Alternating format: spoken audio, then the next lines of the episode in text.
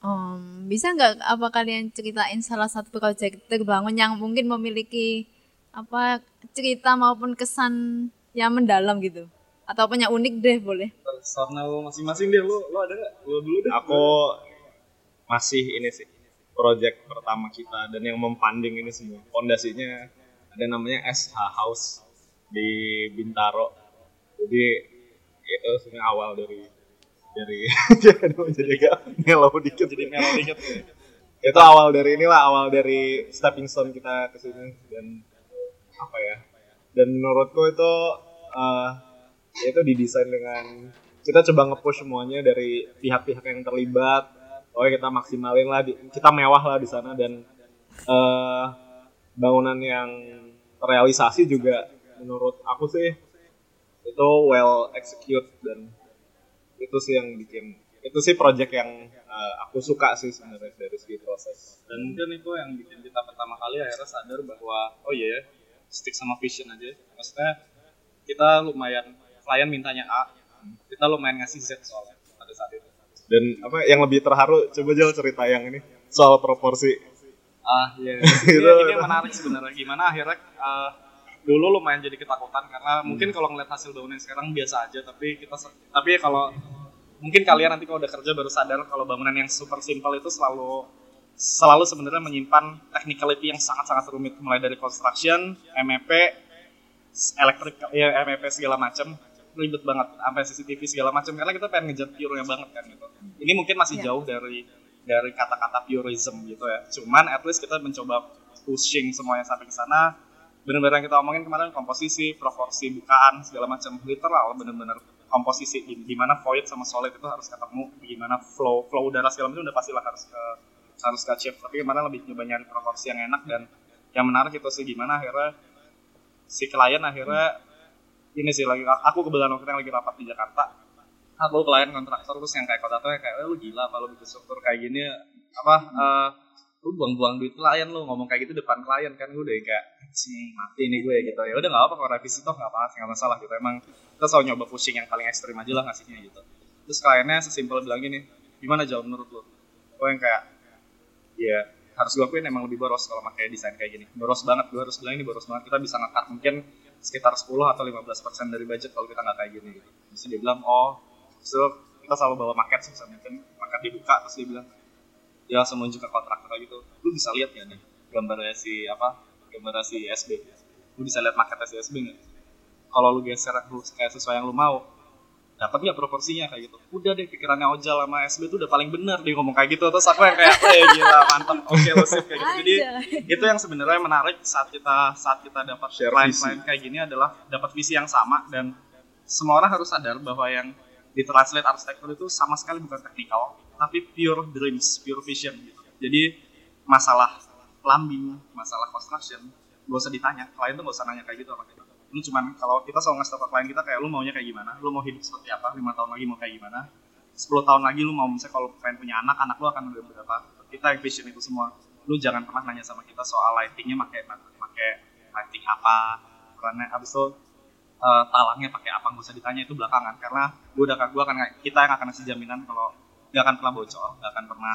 Sebisa mungkin nggak akan mati listrik nggak akan maintenance pasti gampang kayak gitu. Yang penting tuh dreams lo bagus. Gitu. dan klien ini adalah klien yang paham itu. Sih dia benar-benar bayar kita untuk dia sadar yang dia bayar itu untuk muasin cita rasanya dia.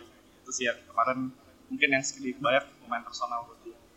Somehow kayaknya banyak sih klien-klien yang kayak gitu makin makin ke sini sama kita itu seenggaknya tuh ngasih benchmark baru. ngasih apa ya hope lah kayak oke ini ini yang kita butuhkan di industri dan eh, kita jadi- mikirnya kalau ada satu orang kayak gini kayak gitu lah. pada waktu itu ini cuma masalah belum pernah ketemu dan kayak dia bilang tadi dotsnya belum ketemu aja.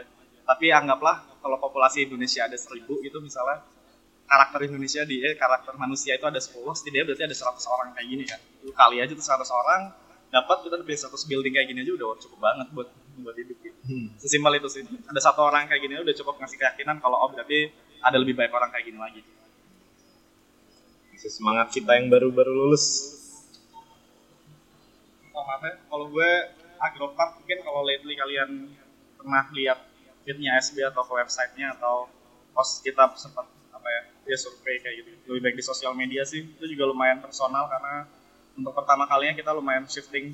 Kalau biasa kita uh, bikin riset untuk satu project dan untuk apa yang memanjakan manusianya untuk untuk bisa kirim pesan terhadap budayanya manusia ini kita balik kita belajar soal karena emang itu agrowisata perkebunan gitu.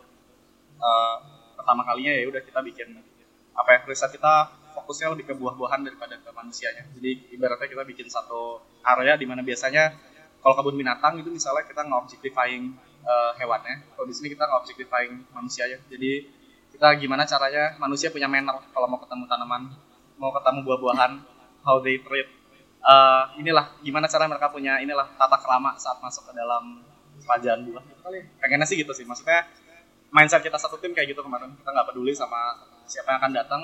Bisnis pasti akan diurusin nantinya bisnis dari si agroparknya tapi fokus kita yang pertama gimana caranya semua buah-buahan uh, bisa hidup dengan tenang di sana tanpa terganggu. Simpel itu sih. Um, pernah nggak sih ketemu klien yang rewel? pernah biasanya langsung keluar sendiri eh gak tau lu ada gak sih yang rewel? Biasanya langsung antara dia yang cabut duluan atau kita yang ngekick mungkin gitu. Iya. gitu sih. Lumayan keras ya kita sama lumayan klien. keras sih kita sebenarnya sama klien. Maksudnya kalau emang gak sufficient ya udah gak usah dipaksain. Masih banyak arsitek kok. Iya. masih banyak arsitek lain selain kita gitu yang bisa dipilih. Karena kalau bergainnya duit kan ya nggak asik lah. Kita butuh duit dan visi.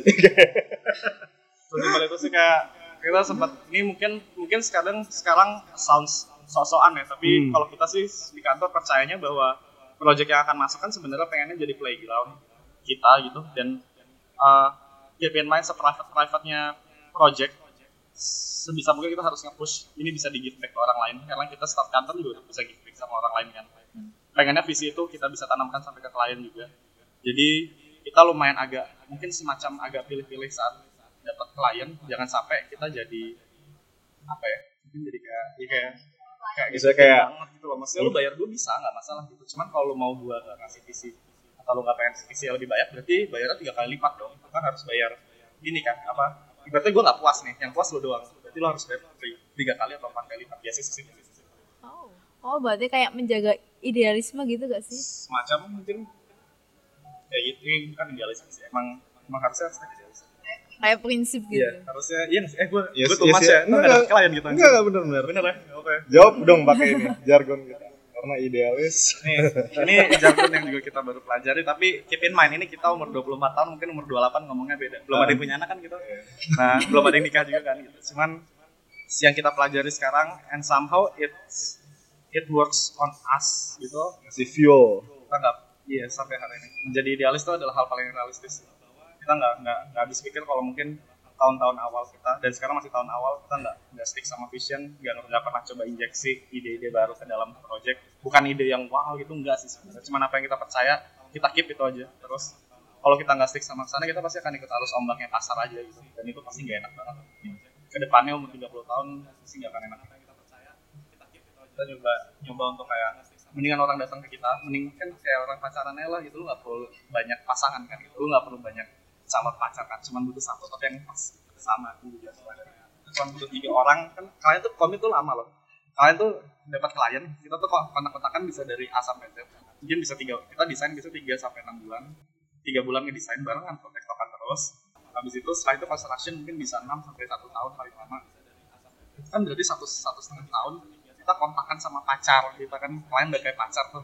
Nah lu bayangin aja kalau sama gak sufficient sakit hati semua isinya itu sih ya dan ini bukan kita yang idealis ini untuk menyelamatkan klien juga daripada dia sengsara dapat arsitek kayak kita mendingan gue cari yang lain dan biasanya kita selalu Iya, rekomenin sih. kita kayak oh kayak gitu kayak cocok itu sama dia jadi Iya, jadi sebenarnya kayak gitu kayak ini tuh serius loh, lu mau bangun rumah tuh serius loh. Lu harus, lu jangan pilih arsitek kalau emang ide kita nggak cocok buat lo. Nih, gue punya rekomendasi teman-teman, lu suka nggak sama Tesya nih? Bisa kita ngasih rekomendasi teman-teman kita gitu. Atau enggak X, XXSB mungkin. Jadi kayak beberapa yang misalnya udah masuk SB terus udah cabut pindah ke luar kota atau mana biasanya kontak ini ada project di kota lu nih. Lu sekarang misalnya kayak lagi di Jakarta kan, lu berani nggak handle project gitu? Jadi kayak gitu sih orang-orang yang mungkin beberapa kita percaya kayak gitu. Um, kalau untuk pandangan mengenai arsitektur Indonesia saat ini dan harapan ke depannya mungkin gimana? Anjing, terlalu muda untuk ngomong hal kayak gini Iya. terlalu bocah tapi lu kayak ini personal opinion gue takutnya kalau dibawa jadi company opinion kita nggak dapet klien Eh, terhadap apa? Terhadap ars- arsitek yang ada di Indo ya. arsitektur Indonesia apa arsitek yang ada di Indo arsitektur Indonesia that's totally different. Arsitektur berarti eh, building dan ini ya. gue tahu ini lu masih bocah kita tuh seumuran gitu lu juga nggak tahu apa yang terjadi dan tadi apa opini ya apa sih pandangan pandangan hmm, paling ini yang selalu jadi problem saat kita ngobrol sama klien atau beberapa teman-teman kita itu kita kan sering ngobrol sama SA atau enggak sama anak-anak Rabu Mada which is kita kita juga gitu. Tapi kayak sekarang circle kita lebih banyak ngobrol itu itu aja sih. Kalau di Surabaya ya. Hmm, kalau buat ke personal sebenarnya pandanganku terhadap arsitektur Indonesia adalah aku cuman aku secara personal ya tapi lagi mempertanyakan aja sih sebenarnya. Kan banyak ya orang yang kayak suka cerita soal lokalitas, soal identitas, soal segala macam. Uh, and somehow itu juga turun sampai ke klien yang kayak misalnya kita lagi uh, ngasih building A gitu, desainnya A gitu. Terus ada yang bilang ini kurang lokalitas kayak gini-gini. Itu yang selalu aku tanya mungkin dari mahasiswa dulu sampai ke TA juga. Yang aku tanya sebenarnya lokalitas itu apa dan identitas itu apa. Karena kalau kita nge-tracing back ke belakang, ada yang tahu emang identitas kita apa selain rumah joglo? Gak ada yang tahu kan. Maksudnya, kalaupun iya, apakah identitas kita itu kalau aku misalnya apakah orang Jawa, sedangkan aku sekarang campuran Sumatera sama Jawa, aku aku bingung memilih arsitektur lokalku itu yang mana, mendefinisikan itu dan apakah dia apakah dia dikotakan dalam bentuk material atau apakah dia di sebatas dikotakan dalam bentuk program doang? Itu yang kita masih mempertanyakan karena kayaknya sempat ngobrol sama Randy kenapa kita bisa keteresin jauh sama arsitektur Indonesia sederhana sebenarnya. Kita sempat dijajah rezim berganti semua semua apa ya pas lagi ada kepemimpinan selalu punya ideologi masing-masing dan saat ideologi yang ibaratnya dalam manifestasi arsitektur belum sempurna selalu di replace sama yang lain. Kita selalu kehilangan jati diri sebelum kita tahu jati diri kita. Mungkin ya tapi itu ojol yang umur 24 tahun.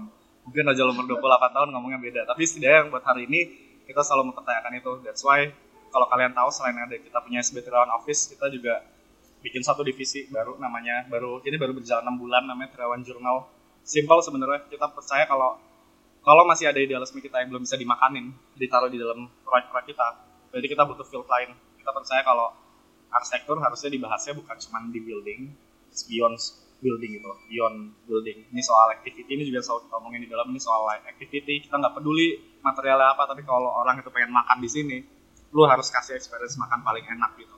Nggak peduli nggak usah peduli. Karena kayak bikin film nggak peduli kan lu lu nggak akan pernah jarang banget fokus sama settingnya tapi lu harus sadar bahwa settingnya itu mempengaruhi aktivitas sama percakapan atau dialog.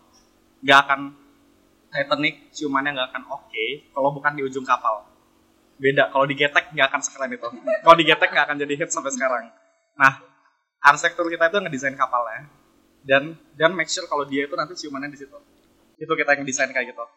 Dan kayak kita sih selalu objektifnya kayak kita ngedesain ciumannya. Kita ngedesain ciumannya cuman kapalnya harus bagus pasti karena nggak mungkin digetek kan gitu nggak mungkin. Pasti akan ada di kantor biasanya pasti ada ya udah lah aja yang penting kan ciuman ya udah kasih gini aja. Lalu mau gue sih kalau ada ciuman di kapal kayak gede gitu sama kapal getek ya mending kapal kayak getek lah eh, yang yang gede lah kayak gitu. Ngapain gue digetek? Kayak gitu loh. Maksudnya kalau getek kan jadi kayak video zoom gitu kesannya video zoom pinggiran yang pakai HP gitu kan. Nah itu sih sebenarnya yang yang yang yang coba Terawan Jurnal. Isinya memetakan apa yang nggak bisa kita kerjakan yang belum bisa kita kerjakan di arsitektur eh di building gitu atau di ini ya di building lah kayak gitu. Dia pure jurnal dan ngasukin uh, ide-ide lah. Misalnya regularly ngirimin kita riset ngirimin kita tulisan untuk semua yang ada di kantor biar bisa dapat biar kayak kampus lah. Kampus selalu menerima proyek selalu ngajarin ke orang selalu bikin riset sendiri. Persis yang kita buat pengennya sih kayak gitu.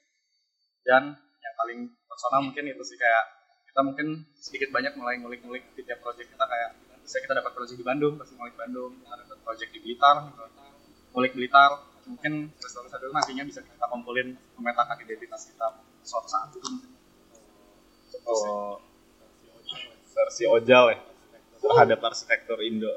Tapi eh, mungkin kalau dari aku Ijul ya arsitektur sendiri lebih ini sih mungkin kalau soal industri kita sih industri arsitek kita eh, apa sih kayak sering nggak sih kalau lihat bisa di Instagram ada yang kayak desain cepat desain murah. Maksudku saat ini ini ini harusnya apa ya?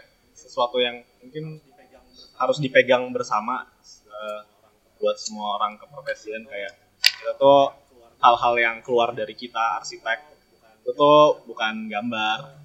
Kita tuh kita tuh sebuah konsultan gitu dan apa hal-hal yang kita lakukan adalah yang udah Ojal mention juga tadi di pertanyaan-pertanyaan sebelumnya ya kita nge-solve kita nge-gain dreams-nya orang-orang. Yang berarti klien terus kita solve dan itu menjadi arsitektur yang ditawarkan dan ya itu ya itu konsul lah itu konsul. Itu uh, in ya industri kita nggak nggak bisa dilihat sebagai sesuatu yang uh, ya ditakar pakai kuantiti lembar gambar. atau berapa per meter persegi. Karena ya tiap proyek juga beda-beda intervensinya. Dan kenapa ini menjadi berbahaya? Uh, karena ya kita tuh kita adalah inilah misalnya uh, seorang ibu di sore hari yang nyuapin anaknya anaknya itu klien. Jadi apa yang kita suapin tuh yang dia makan. Makanya mungkin uh, jadinya kalau klien datang dia pasti akan menakar kita dengan uh, berapa per lembar berapa berapa. Tapi kan padahal kan dibalik itu gitu, iya. kan? Padahal, padahal yang penting kan bernutrisi. Padahal aku punya masalah apa kamu punya solusi apa? Itu sih mungkin yang yang harus disadari semua. inilah semua arsitek di Indo lah. Kita itu juga kita selalu nggak pernah percaya sama yes, sering banget kayak lagi ketemu klien entah itu enggak sih yang gede-gede biasanya oke oke sih. Biasanya yang kayak bikin hal-hal sederhana gitu kadang kan pastilah apalagi kita masih satu tahunan lebih hmm. terus setengah tahun suka di compare sama misalnya kayak ini gue sama si arsitek ini lebih murah segini dia dapat apa ini segini kayak gitu. Gue bilang ya nggak apa-apa gitu. Maksudnya punya gue emang mahal gitu. Tapi lu bisa ngambil yang lain kok gitu. Hmm. dan dia bilang kayak misalnya kayak kalau desainnya doang berapa gitu. Sama kayak riset apa segala macam. Nah gimana? Riset gue tuh desain gue gitu. Maksudnya gue nggak akan bisa nge-solve problem kayak gini kalau gue nggak punya waktu apa data-data ini loh gitu. kalau lu nggak bisa bayar ini nggak masalah. Lu bikin even lu misal lu bikin coffee shop gitu. Lu bikin cuman kotak kasih atap kelar gitu karena bisnis lu di kopinya bukan di bangunannya gitu kalau mau bikin yang Instagram jenik dan ada orang yang mau ngelayanin itu sok pakai aja gitu. Nggak ada masalah. Kita selalu kayak gitu sih biasanya kayak dan keep in mind mungkin kalau aku mikir lagi nih kenapa akhirnya kita selalu muluk-muluk banget ke sana kan muluk-muluk banget itu mendesain padahal bisa cepet aja gitu. Sederhana uh, kita punya limitasi kalau ngomongin bumi nih ya, kita punya limitasi footprint yang bisa kita injak seluruh dunia. Kayaknya agak zolim gitu di sana kalau kita sebagai arsitek membiarkan ada satu petak tanah didesain dengan tanpa rencana. Maksudnya kalau lo berarti lo sama aja lo menjual uh, tanah-tanah yang ada di dunia ini mengorbankan view cuman buat kantong lo tebel gitu. Itu problem sih menurut gue kalau ada arsitek kayak gitu di usia muda ya seperti kita ada ada masalah besar sama dia. Dan itu pasti finansial setidaknya pasti. Yeah. nggak maksudnya itu ada yang salah gitu. Jangan jangan sampai lah orang kita diajarin dulu nggak kayak gitu kok gitu. Kenapa keluar keluar jadi dibikin simpel sih. Makin kayak gini pasarnya juga akan kasarnya ngegampangin kita gitu. Allah ini gue gambar sama dia dia ngasih 100 gambar aja dia segini gitu. Ya udah gitu lu bangun pakai gambar tuh gambar lu tekuk jadi Padahal, padahal ngebangun tanpa gambar bisa ya. Padahal tinggal tanpa gambar tinggal nyuruh bisa, tukang. Gitu, tinggal nyuruh tukang. Kalau yeah. mau takaran lembar gambar dan keep in mind kita sebenarnya eh gue nggak apa nggak sih ngomongin bookset jangan ya uh, ya nggak apa ya. dan kalau ini berarti tadi kan ojal hijau SB sekarang ya, sekarang baru SB kalau kalian uh, tahu sebenarnya kita jarang banget. Aku nggak tahu ya tapi setidaknya dari uh, uh, dari dulu lah kita nge kita dulu pas masih mahasiswa. Kita selalu kan ngasih apa sih renderan DED konsep-konsep sederhana.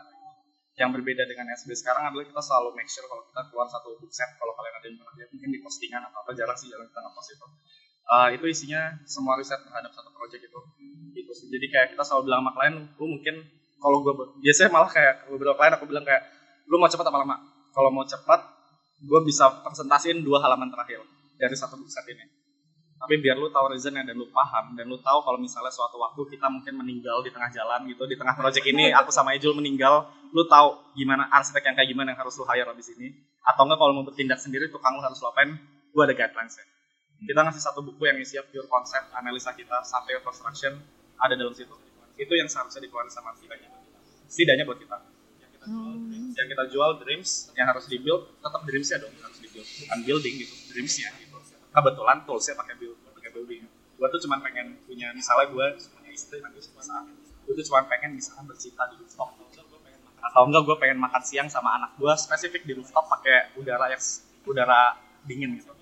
Konsepnya tuh itu, itu. yang mau di achieve tuh itu bukan buildingnya gitu. Building tuh tools doang. Nah dreams itu harus bisa ditranslate jadi building sih kalau dari kantor Hmm. dan itulah aku nambahin terakhir ya. Mungkin eh, ngerujuk ke pertanyaan yang sebelumnya yang soal riset kenapa jadi penting.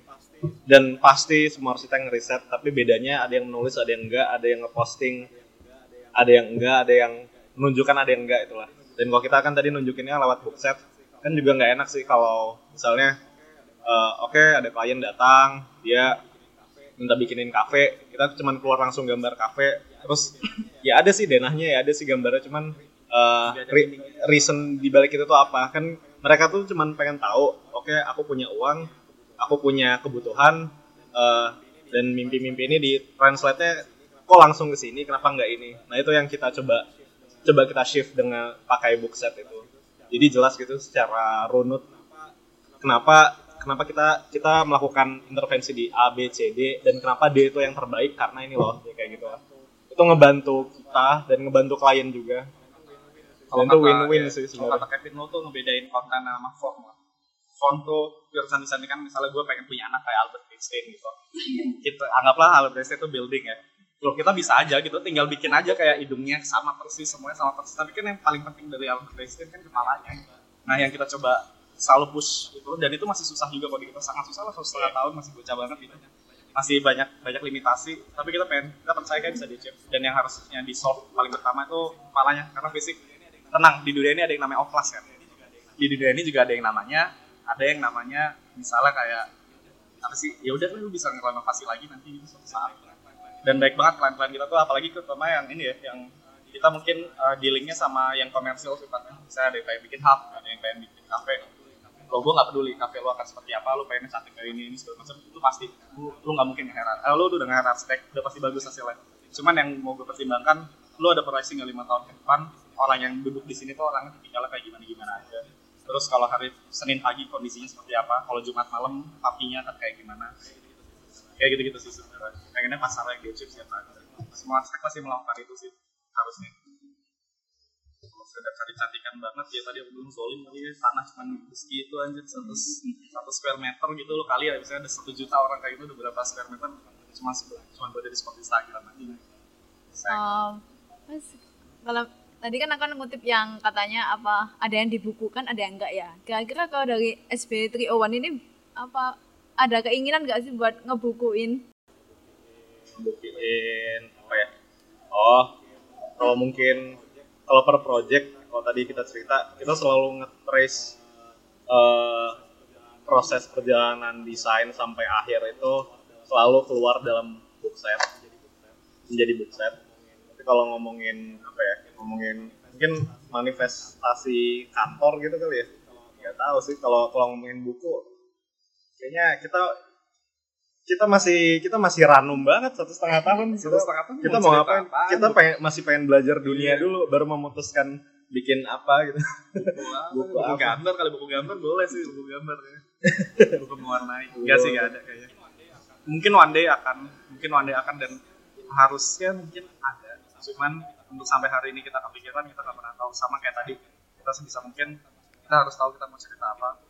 Mungkin buku bukan salah satu target goals sama kayak kita mau bikin building lu mau cerita apa di situ? Mungkin activity apa? Nanti ujung-ujungnya pasti building kok tapi kontennya apa dulu? Itu sih yang kita lagi masih kita nggak berusaha mencari juga. Gitu. kayak sambil jalan bulan empat santai dan positioningnya ya kan kayak Ring of Fire aja. Pasti itu pasti akan keluar dengan cara iseng dan benar-benar pengen give back dan iseng pasti. Aku Pasti, yakin. pasti. walaupun ada buku ya atau output apa pun. Itu saya kayak itu itu bodoh banget sih. Itu pasti itu akan- bodoh banget sih bikin of Fire tuh kayak anjing harusnya kita bisa mewah-mewahan lupa itu. Itu Bisa hidup.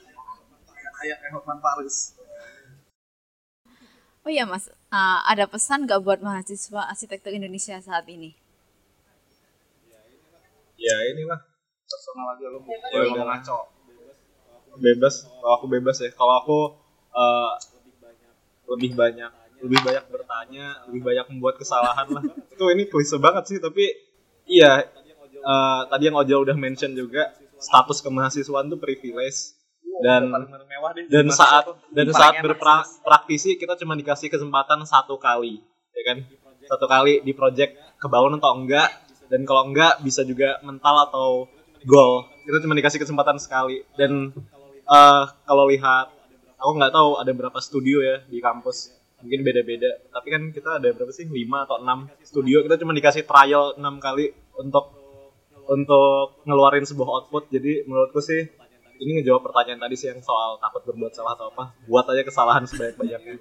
Dan ini dan udah tugasnya udah tugasnya dosen untuk ngegrounditin kita untuk meluruskan kita. Karena udahlah belajar sebanyak-banyaknya tanya sebanyak-banyaknya buat kesalahan sebanyak-banyaknya karena di luar sana kamu nggak akan nyesel kok pasti ini ini tuh hal yang paling menarik di Dan- dunia Iya. Kayak gue nambahin yang yang mungkin sampai hari ini masih di privilege uh, gue dan Ijul adalah satu kita berusaha nge-build environment kampus lagi di dalam studio kita. Kantor ini sangat administratif. Jadi kita benar semuanya dikontrakin, pastilah staff semuanya jam working hour semuanya. Tapi saat kita bekerja sebisa mungkin saya enjoy mungkin.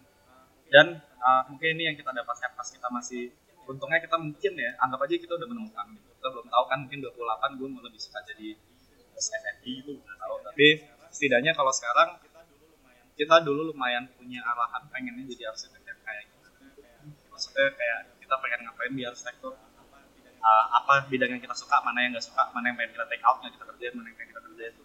We have to know that sih pas lagi kuliah gitu Uh, dalam peta arsitektur kalian ingin jadi manusia yang seperti apa?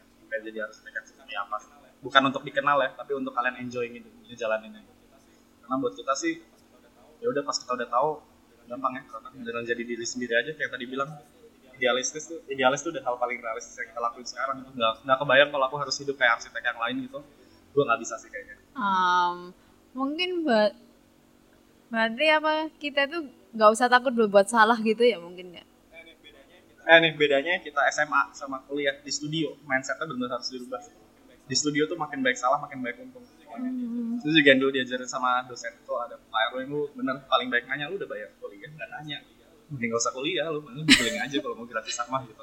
Ngapain? Jadi lu harus baik nanya bener harus jadi orang paling dam lah di dunia ini. Itu juga di, di, di kantor tuh kita bener kayak dam banget. Lu udah tahu kan bentuknya pos satpam kayak gimana. Semua orang tuh udah tahu pos satpam cuma butuh pos.